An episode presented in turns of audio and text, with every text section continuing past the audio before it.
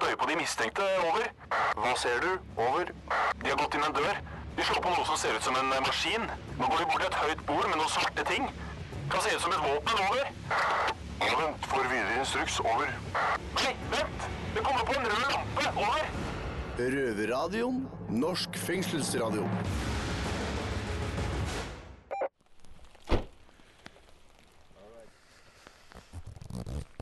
Faen kaldt, jo.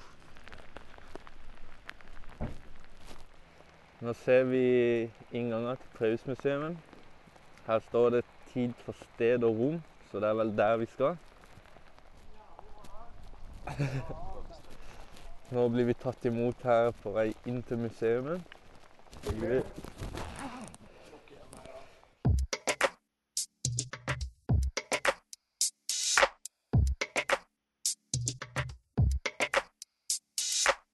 Halla, folkens. Da er vi fremme i Horten. Nå skal vi se på en litt spesiell utstilling her på Frøysmuseet.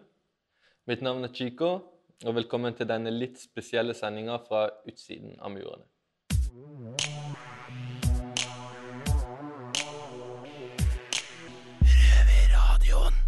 Hei, hei, Pål. Hallo, Pål heter jeg. Nå bryter vi loven og håndhilser og greier. Det er en bra start. Det er en bra start. Ja, Nei, skal vi se litt på fengselutstillingen dere har her Det kan vi gjøre. Ja, da følger jeg bare. Gjør det. Her er det masse gamle kameraer og sånn. Stig på. Takk, takk. Kan ikke du fortelle oss litt sånn kjapt til lytterne våre hva Frøysmuseet er? Ja, det kan jeg gjøre. Eh, Prøys museum er jo det nasjonale fotomuseet. Eh, sånn at vi har liksom ansvar for fotografi da, i Museums-Norge. Eh, alle typer fotografi, bl.a. det historiske, gamle fotografiet og altså, utviklingen av kameraer og sånn, men også bilder. Ja. For dere har en sånn litt spesiell utstilling vi skal se på nå i dag. som hvem, Kan du fortelle oss hvem som, er, som står for den, og som har vært med å lage, lage, lage den? Det kan jeg gjøre. Eh, Den er jo lagd i samarbeid med innsatte i fem forskjellige norske fengsler. Eh, Så det er jo alle fengslene på B omtrent. Eh, Det er jo Bredtvet, Bjørgvin, Berg eh, og Bastøy. Eh, Og så er det også Halden. Og så har vi i tillegg da hatt med oss Camille Nygaard, som er fengselsprest, og Tina Enghoff, som er fotograf og billedkunstner. Sammen med da meg og jeg som heter Maja, som jobber på museet når vi har hatt workshops. Så da har vi liksom vært i fengsel, og så har vi utstyrt de som de som har meldt seg på workshopene med kameraer og sånn. Og så har vi hatt noen veldig sånne intense workshoper som har vart en uke. Der man liksom har jobba med nye fotooppgaver og sånn hver eneste dag. Ja, dette høres kjempespennende ut. Ja. Ok, men da kan du jo vise oss litt rundt på den utstillinga her. Sånn. Det kan jeg gjøre. Eh, Jeg kan jo si som første vi ser når vi kommer inn, er jo at vi kommer til en sånn selvportrettvegg. Eh, Og da er det et selvportrett av hver av, de, hver av deltakerne vi har hatt her. Eh, Så alle har jo da tatt et selvportrett. Det er en del flere selvportretter lenger inn i utstillingen også, men den veggen her er liksom en introduksjon og en presentasjon av absolutt alle som har vært med på prosjektet vårt. Mm. Så har de fått valgt ut det bildet de vil bli representert med, Ja, hver en av de? Det har vært liksom det viktigste for oss hele tiden. er at altså, De har jo produsert fryktelig mye mer bilder enn det vi har fått beholde. Eh, Så tanken har jo vært at de skal liksom få lov til å bestemme hvilke bilder som representerer seg eh, og sine ting. Eh, Og også at de også har satt sammen litt tekster og sånn da, som er sammen med bildene. Sånn at det skal jo bli skal man si, en historie av dem, og ikke en historie om dem. Mm. Sånn at det er, de har hatt kontrollen, og de har bestemt alt hele veien. Og her du kan jo se at det er litt unge folk. Her ser det ut som det er litt eldre folk. Det er litt forskjellige folk som har deltatt på dette. Så. Det er jo veldig forskjellige folk. Jeg tror eh, På Bastøy så hadde vi en som straks skulle ut, som, eh, som ble pensjonist når han kom ut. Så han gleda seg noe veldig til å bli bestefar. Eh, og så har vi jo de yngste vi har hatt med oss, har jo vært 18. Eh, så vi har liksom hatt med hele spekteret, da. Ja. Og her er det jo som sagt både mannefengsel og damefengsel som har fått delta. ikke sant? Ja, det er det. Så det var jo veldig fint å få med Bredtveit. Det, var, eh, det var veldig viktig for oss også å få dratt dit. Hva er ideen som har vært bak denne utstillinga? Ja, altså For eh, mange år siden, eller for fem år siden så hadde vi en utstilling som het 'Bending the Frame'. eh, som liksom handla om altså, hva er fotografi i dag, da? Og hvordan kan man forandre verden med fotografiet? For i gamle dager så kunne man liksom vise bilder av hvordan verden så ut, og så reagerte verden på det. Sånn som, sant, Hvis du husker sånn, det bildet fra hun jenta som har fått napalm på seg, og sånn, eh, så var liksom det bilder som var veldig viktige, og som kunne forandre verden. Eh, mens i dag så blir det lagd så innmari mye bilder, så man, man klarer liksom ikke å lage de viktige bildene. Og få med de viktige. Ja. Sånn at uh, I den utstillingen så var liksom tanken vår at altså, for å kunne lage de bildene som kan forandre ting, da, så må man begynne å tenke på annerledes måter. Um, og et av de prosjektene som vi da hadde med i utstillingen, det var et vi lagde i samarbeid med hun Tina Enghoff, som var den danske fotografen, og Camille Nygaard, som er fengselsprest. Der vi dro til Berg fengsel eh, for å se hvordan det var da hvis vi ga slipp på den definisjonsmakten som det jo egentlig er å peke kamera mot noe og fortelle om noe.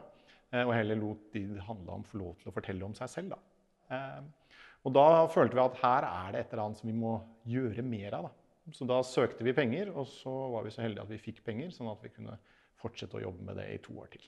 Ja. Hvor lenge har dere holdt på med dette prosjektet?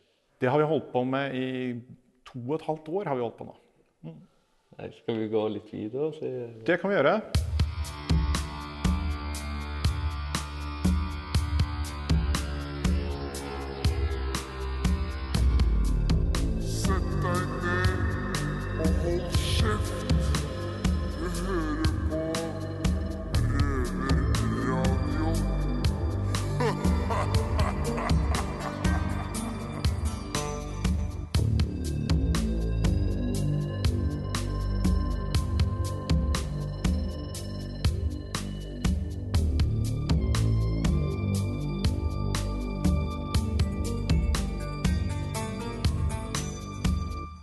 Her kommer vi til Er det det kjente speilet?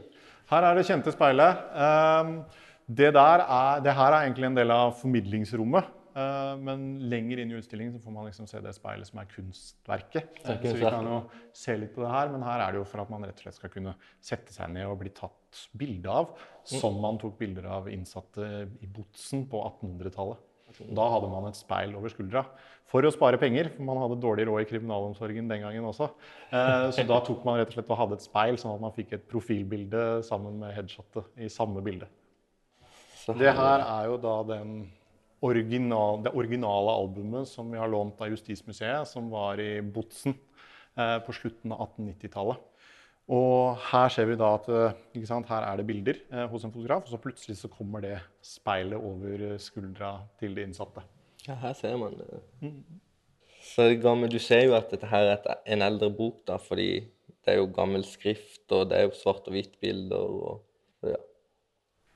Jeg synes det er noe spennende man ser på dem, og så ser man liksom hva de Jeg vet ikke om det er på den siden her, men altså, man ser jo på noen av dem så ser man også at det er tvangsfotografering. At de blir liksom holdt fast, at det er noen hender på siden og sånne ting. Så hvis man leser også den løkkeskrifta, så kan man se da Det som gjorde at man ble satt inn i gamle dager, er jo ofte sånn løsgjengeri og sånne ting. Det at man ikke hadde noe sted å bo, det var liksom nok til at man ble satt inn. Jeg klarer seriøst ikke å lese hva som Nei, det er står. kjempevanskelig. Han der som det henger oppå der, han er fra Sverige. 1,66, blondt hår. Blå, middels et eller annet. Nei, jeg klarer ikke heller, altså. Skal vi gå videre og se litt på Ja, bildene? ja. Så alt som henger i midten her, er jo fra workshopene våre. Eh, mens alt som henger på utsiden, det er da forskjellige kunstnere som har jobba i fengsler både i Norge og rundt omkring i verden. Eh, som er lagd. Eh, og da var jo sånn, tanken vi gjorde det, var jo at det var altså, de innsatte som skulle stå i sentrum. At, for det er jo dem de handler om. Og det er jo de som vet best hvordan det er å, å sitte inne. Eh, mens liksom, kunstnerne de kan jo bare tro og anta. Kan vi gå og se litt nærmere på de bildene? Ja, det må vi absolutt gjøre. Eh, Og da har jo hver eneste deltaker har jo da et lite utvalg bilder, og så har de også en liten tekst. Ap- Mandariner, mandel og makrell i tomat. De blir jo fryktelig sterke når man leser tekstene sammen. Da. Ehm, For han snakker om at han er systemfrik, og at man må, han må trene, og at man må spise på den måten. At han trener og spiser sunt hver dag er en kamp mot de menneskene som forsøker å ødelegge meg og min identitet. Og det er noe med at liksom, altså, det eneste han føler han klarer, det er det med maten. liksom. Mm. Det er det eneste han får gjennom. For her ser du jo at de har jobba litt forskjellig. Ja. Jeg vil mene at dette her er litt mer sånn hyggeligere og litt sånn kunstaktig. og Dette her forteller en veldig sånn sterk historie i forhold med det. Ja, det, det er veldig forskjell på dem. Man ser jo det at altså, her er det jo liksom en helt annen måte å se på verden rundt seg. Ja, Geir Atle som var på Berg, han hadde det jo veldig vanskelig når vi var på besøk der. Eh, og det viser jo både bildene og tekstene hans veldig tydelig. Eh, mens de bildene som du pekte på nå, det er lagd av Kristin på Bredtvet. Eh, og de ser jo veldig sånn der, kunstneriske og fine ut. Det, liksom, det ser ut som sånn landskapsbilder, for hun har lagt seg ned på bakken og sånn. litt sånn Eh, men når man begynner å lese teksten og skjønner at det handler om hvor liten hun føler seg, og sånn, så blir det allikevel litt sånn, veldig sterkt. da. Ja. blir- Selv om de er veldig sånn fargerike og flotte bilder. Her er det noen som har tatt bilde av celledøra si. Ja, det er. Jan. Han har tatt bilde av en gammel celledør som er på Berg.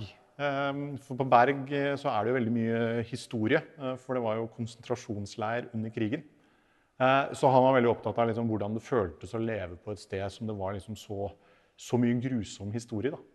Ja, det kan jeg tenke meg er forferdelig. Ja, det er, det er noe fælt å liksom bo på samme sted som liksom Ja. jøder bodde under krigen før de ble sendt ut av Norge. Ja. Jeg blir litt satt ut, da. Ja. Det er mye historie som ligger liksom i de bygga som er. altså her, Dette må jo være noen som er på Bastøy, eller? Det er det. Eh, Det er Bjørn som sitter på Bastøy. Eh, Det er vel kanskje det, et av de få fengsla i Norge som man kan gå på fisketur. Eh, Og Bjørn er jo veldig opptatt av liksom hvor fantastisk det var å kunne komme på Bastøy. Og liksom kunne kjenne på friheten igjen. Og han, jeg tror han sa bl.a. under workshopen som sa at her lærer man å bli menneske igjen. Eh, Og det er en ganske tøff ting.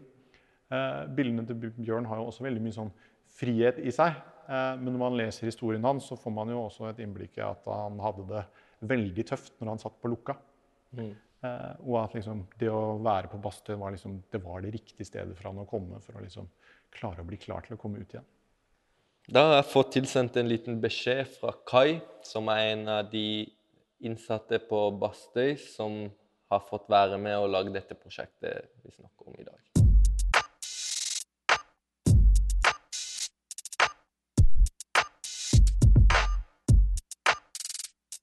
Hallo, Chico. Det er Kai her. Så bra at dere er og ser på utstillingen. da.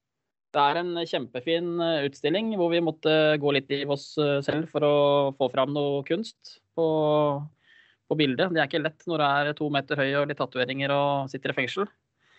Det som vi prøvde å fange eh, fra Bastøya, var sjelen til Bastøya.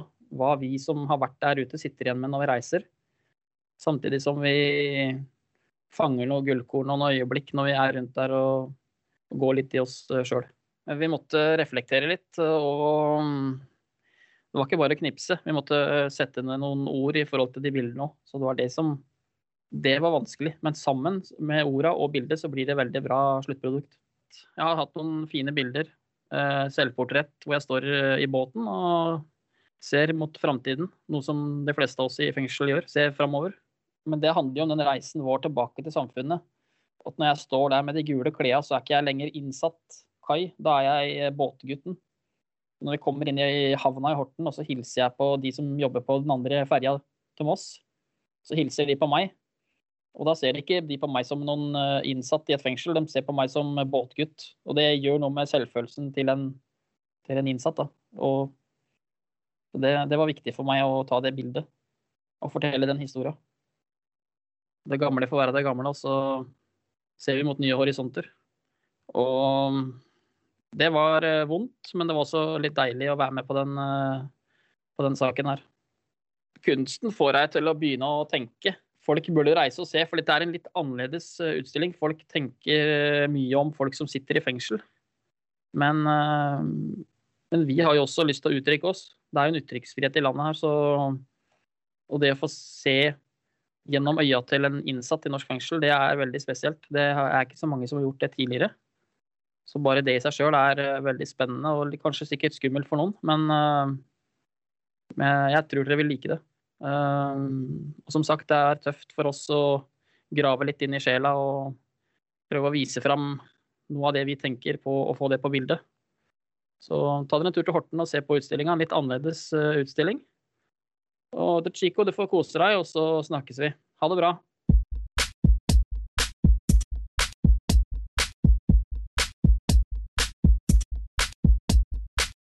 Kjempefin beskjed fra Kai. Eh, Nå står vi her, og så ser jeg på bildet hvor du står på båten og ser inn i fremtida. Koselig å se båtkai. Men vi må videre nå, så da skal vi tilbake og se litt videre på utstillinga med Paul. Pål. Så egentlig du kan bare føre hvor du vil vise litt. Ja, eh, jeg kan jo vise noen av de kunstverkene som er her òg.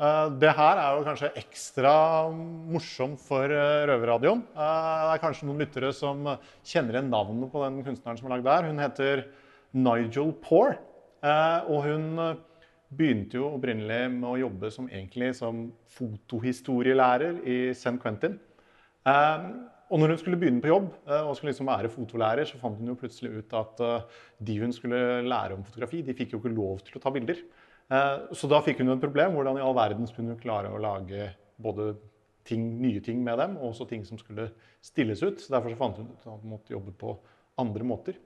Eh, Så hun begynte liksom med den der litt sånn kjedelige videregående måten å gjøre ting på. Den der bildeanalysen. Eh, og så merka hun når hun lot dem få analysere bildet, at de så på bildene på en litt annen måte enn det hun hadde trodd. Eh, at de liksom hadde en annen måte å se på de bildene, for veldig mange av de innsatte i St. Quentin har jo sittet fryktelig mange år inne. Eh, så Derfor så tenkte hun at ja, men her er det faktisk noe interessant. Og etter hvert så fikk hun også tilgang på bildene i arkivet i St. Quentin. Eh, som, eh, og der fikk da de innsatte lov til å se på sin egen historie. Men det interessante var jo at Nigel hun ble, jo, sant, hun ble så opptatt av historiene til de mennene at etter hvert så slutta hun å lage sin egen kunst. Så søkte hun jo penger eh, om å lage en podkast i samarbeid med en som het eh, Erlon Woods eh, og Antoine Williams. Eh, og så fikk de da innvilga penger, og så begynte de å lage den podkasten som heter Air Hustle, som i dag har blitt kjempestor. For her kan du se det som står med bevis. Kniven ser det ut som. Står det 8302 weeks stabbing in gym. Her er også bildet av en som ser ut som kanskje det hører sammen med det andre bildet med han som holdt den kniven. Her er det jo en som har blitt stukket, ser det ut som. En, to, tre, fire ganger i ryggen. syns jo den her også er kul. Her har vi jo liksom altså den største stereotypien av alle. Her er det jo faktisk en kake som det har vært en baufil i. Jeg syns det er helt fantastisk at det, det fins også, liksom. Altså, det har skjedd. Det har skjedd. Ja. Det, det skjer nok enda det der, når du får muligheten. Hvordan var det å ha disse workshopene i fengsel da, og jobbe med altså fanger? Jeg syns det var kjempespennende. Eh, altså, første gangen jeg kom, så var jeg liksom litt sånn derre Hvordan kommer det til å bli? Eh, men altså, man merker jo det at når man kommer inn, så folk er så gira på å gjøre noe som er annerledes, da, og noe som er gøy. Eh, at liksom, altså, man får jo, Det blir jo så mye positiv energi, eh, så man blir jo, man blir jo så gira. Eh, og så merker man jo også den der at ikke sant, vi har jo litt lyst til å liksom få tak i historiene til folk også, og kanskje også noen av de tingene som, som virkelig betyr noe. Eh, og da, da merker man jo det at altså, det å ta bilder da, gjør at ting blir det blir veldig lett å snakke om de tingene som kanskje er vanskelig å snakke om. Så blir man på en måte også den der, det konkurranseaspektet. Liksom. Man vil ta de beste bildene. Eh, men så vil man også liksom sånn der, være modig da, og åpne seg. Eh, så det blir en sånn veldig sånn så et enormt fint samhold i løpet av uka. Eh, og kanskje det høres dumt ut, men liksom i løpet av en uke så blir man jo glad i alle som har vært med, fordi de, de gir så jævla mye. Jeg kan tenke meg det. Altså, det er jo et kjempebra tilbud for de som sitter og soner, og får være med på et sånt prosjekt. Og de, jo, de føler jo sikkert de gjør noe veldig betydningsfullt òg, og de får bli hørt ute på en måte da, gjennom det. Vi har jo vært veldig inspirert av Røverradioen der. Det handler jo om ytringsfrihet, liksom. Altså, det handler jo om å liksom, altså, la sine tanker og meninger få lov til å komme ut til verden. Eh, og også kunne ha en påvirkningskraft, liksom. Og de vet jo Vi fortalte jo alltid når vi kom, at altså, det her kommer til å bli en utstilling. Eh, og det kommer til å bli tatt på alvor. Eh, og det er jo noe som skjer. ikke sant? Én ting er når man sier ting om hvordan man føler at man blir behandla på utsiden. Men når man Sånn som når vi hadde vært i Halden, da åpna en stor uteutstilling midt i gågata i byen. Så kommer jo også de historiene ut der, og da må jo også sant, plutselig fengselet svare for seg, og politikerne må svare for seg hvorfor ting er som de er. Så man får jo plutselig mye makt med de tingene man sier. Noen uttrykker seg jo med dans, noen med musikk. Vi bruker jo radioen til å få ut vår stemme. Her var dere prøvd å få frem med disse fotoene. Hva er det å forsterke de som har sittet inne, sin stemme? Hva Ja, jeg tenker jo det. Altså, fordi altså, på en måte så er jo bilder blir jo en sånn herre altså, Bilder er jo en veldig sånn fin inngang, tenker jeg, eh, til ting. Altså, når man ser et fint bilde, eh, så har man lyst til å vite hva det handler om. Og når man da liksom får de tekstene og tankene oppå der igjen, så blir det noe som er veldig sterkt. Eh, og så prøvde vi jo veldig også under workshopen liksom å la, la alle deltakerne få lov til å spille på sine egne styrker. da. Eh, altså, noen var kjempevisuelle, men alle kan jo ikke skrive, liksom. Mens andre var veldig opptatt av det å skrive. Eh, Blant annet så hadde vi jo med oss Benjamin når vi var på Bastøy, som liksom skrev dikt. Og han var jo kjempeopptatt av det å skrive, mens bildene var liksom ikke det som var det viktigste. Så vi prøvde liksom å hjelpe til sånn at alle skulle få uttrykke seg på sin måte. Eh, og vi jobba jo med forskjellige oppgaver hele uka, mens den siste oppgaven vi hadde liksom den siste dagen, var jo at man skulle få lov til å gjøre det man ville selv, da, og uttrykke det man selv ville. At vi liksom skulle prøve å hjelpe folk med å få muligheter, sånn at man kanskje skulle få en mulighet til å komme til en del av fengselet som man kanskje sjelden får lov til å være, og sånne ting. Men at man kanskje kunne sant, gå ned i treningsrommet og fotografere der helt aleine, og. Så man skulle få liksom, altså en mulighet til liksom, å uttrykke det som var viktigst for deg sjøl. Jeg tenker meg Når du får den muligheten til å delta på et sånt prosjekt, når du sitter inne, så får du litt den frihetsfølelsen tilbake. Du får liksom At nå kan du bestemme litt, du får velge litt, du får gjøre litt nye ting. Så Ja. det høres helt fantastisk ut. Ja, Det var faktisk når vi var i Halden. for Der eh, er det jo relativt strengt. Men et av kravene våre når vi skulle være med på en sånn workshop, var jo at de som var med, skulle få lov til å ha kamera hele tida. Og at de skulle få lov til å ta bilder.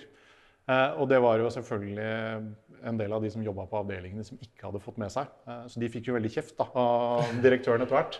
Eh, Men det som var morsomt da, var at han ene deltakeren han sa jo det at altså, han trodde de tok de kameraene fordi han følte seg for fri når han hadde det.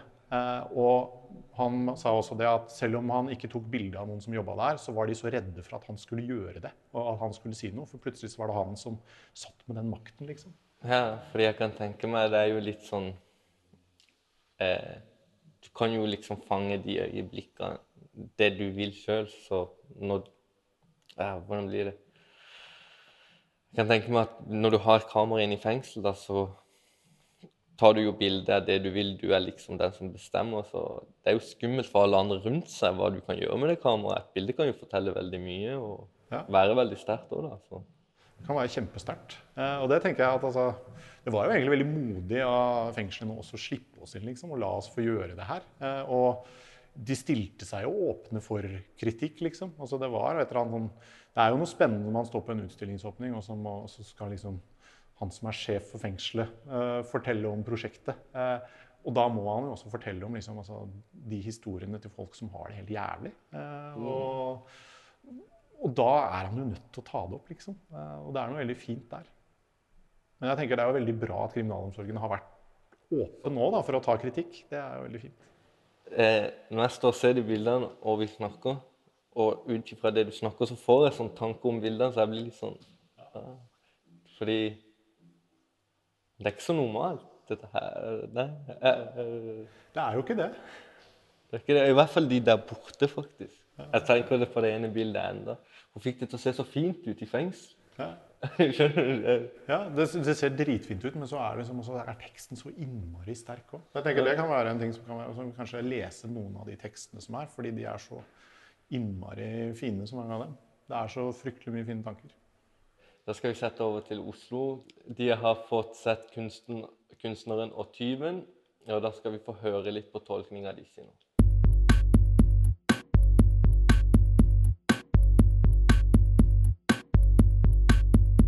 'Kunstneren og tyven' er en veldig følelsesladet dokumentar hvor vi følger en kunstner som blir frastjålet eh, noen malerier, og hvor tyven da blir tatt. Og vi ser at de knytter et veldig spesielt forhold gjennom flere år.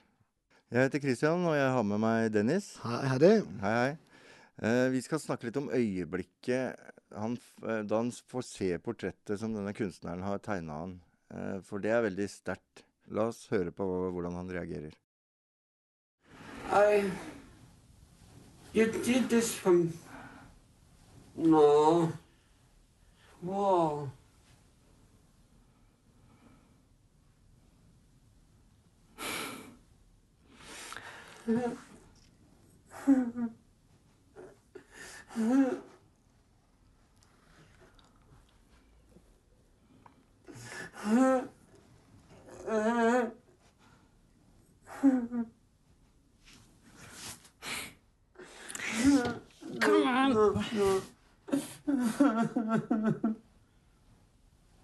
Altså den, det blikket han har, da, eh, hvor han begynner å gråte altså Det er nesten litt sånn dyrisk eh, over det hele. Eh, Spesiell eh, måte å eh, ja, Den reaksjonen Man kan liksom ikke helt sette ord på det.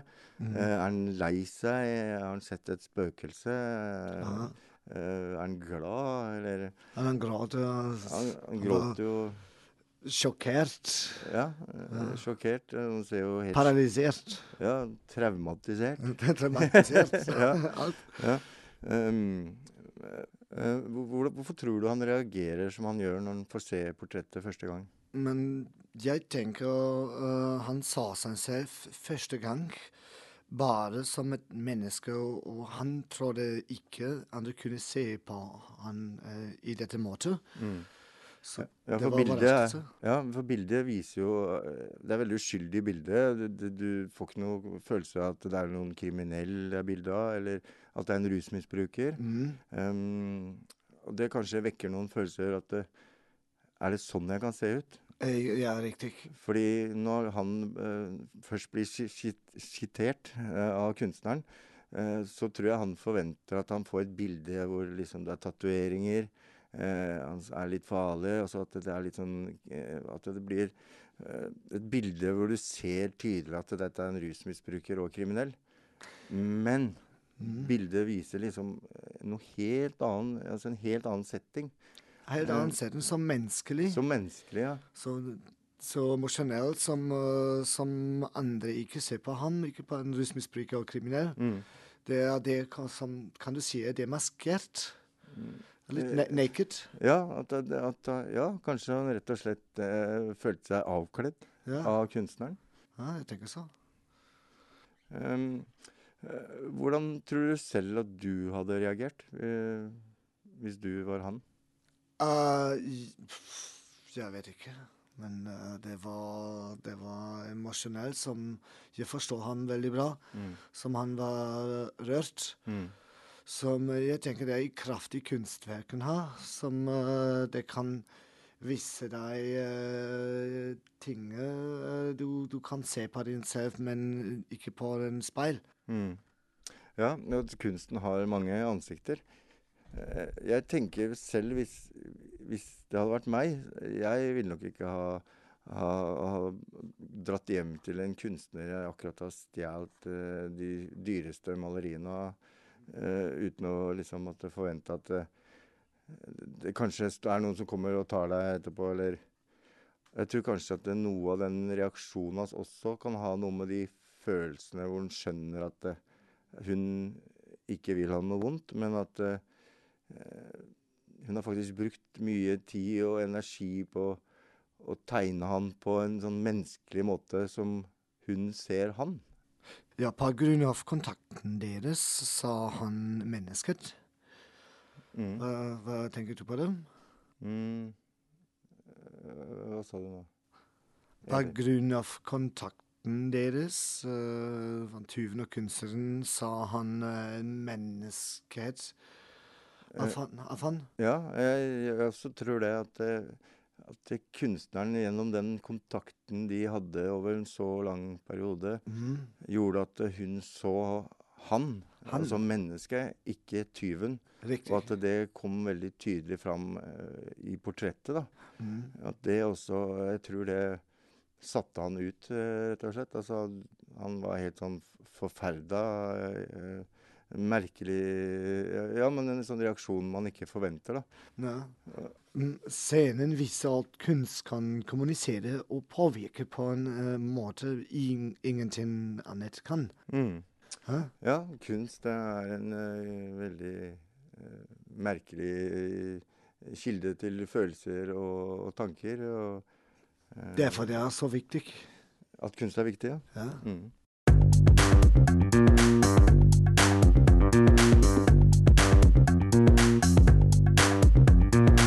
Takk til gutta i Oslo.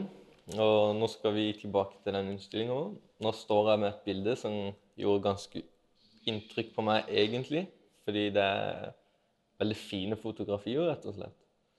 Så står det ved en tekst her som, som jeg skal lese for dere. Jeg har jo to gutter. De er i sjokk. I dag vil jeg dø, i morgen vil jeg leve.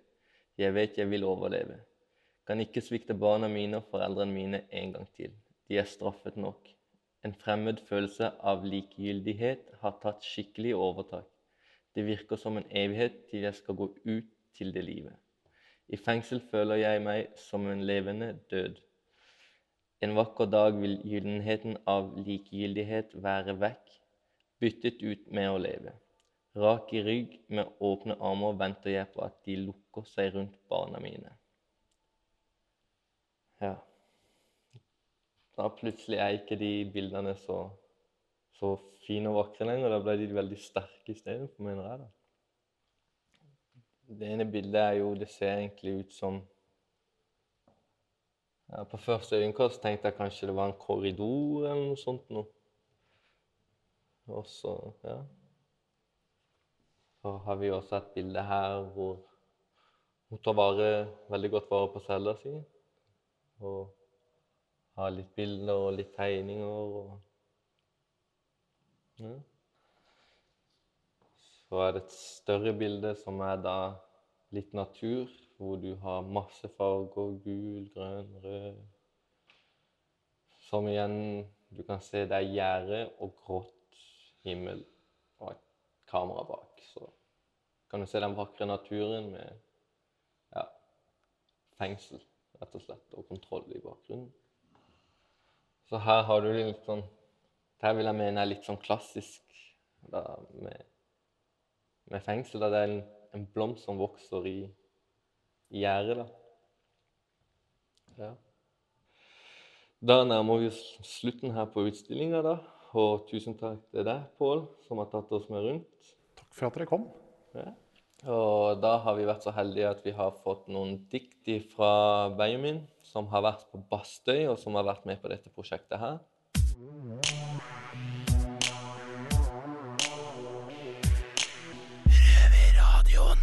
Hvordan ser samfunnet på en straffedømt som meg? Hvordan ser de på en som har valgt min vei? Hvordan vil jeg bli tatt imot den dagen jeg slipper ut? Og hvordan vil verden da se ut? Hvordan kan livet mitt være verdt å redde? Hvordan kan man glemme alle tingene som den gang skjedde? Hvordan vil jeg se ut den dagen jeg igjen blir fri? Hvordan skal jeg klare å holde meg på den rette sti? Hvordan leve et normalt liv når jeg har så mye anger? Hvordan skal jeg holde meg borte fra krimmiljøets slanger? Hvordan skal jeg klare å holde meg borte fra nabolagets doplanger? Og hvordan kan jeg forandre livet mitt? Hvordan skal jeg klare å slutte å forandre gull til dritt? Hvordan skal jeg klare meg når jeg må leve fritt? Hvordan kan jeg noen gang bli tilgitt? Hvordan kan jeg gjøre opp for alle mine ugjerninger? Hvordan kan noen kaste bort livet som man kaster et par terninger? Hvordan kan noen måle en annens verdi? Og hvordan kan noen bestemme seg for at livet nå er ferdig? Hvordan har vi fått så høye forventninger til hverandre? Hvordan kan vi skylde på alle andre når vi kun har oss selv å klandre? Og hvordan si hvordan uten et spørsmål bak? Hvordan stille spørsmål uten å virke svak?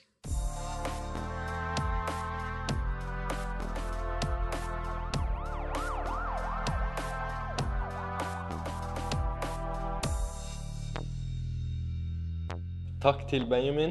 Det er hyggelig å få høre litt dikt på slutten av sendinga her. Ja, som sagt så har vi vært på Frøysmuseet i dag, og det har jo vært egentlig en kjempefin opplevelse, men litt sterk. De bildene satte jo litt inntrykk. Eh, hvis dere har muligheten, dere der hjemme, eller dere som kanskje kommer ut etter hvert, så anbefaler jeg å ta turen og så få en omvisning der og se på prosjektet. Da er radiosendinga ferdig for i dag. Og Røverradioen hører du som vanlig på P2 søndager halv ni, eller der du kan høre på podkast. Det har vært stille fra over en time. Hva skjer? Over. Det er bare et radioprogram. Det er lettere å høre på dem der. Over. Ja, vet du når det går, da? Over. Det er samme tid og samme sted neste uke. Over.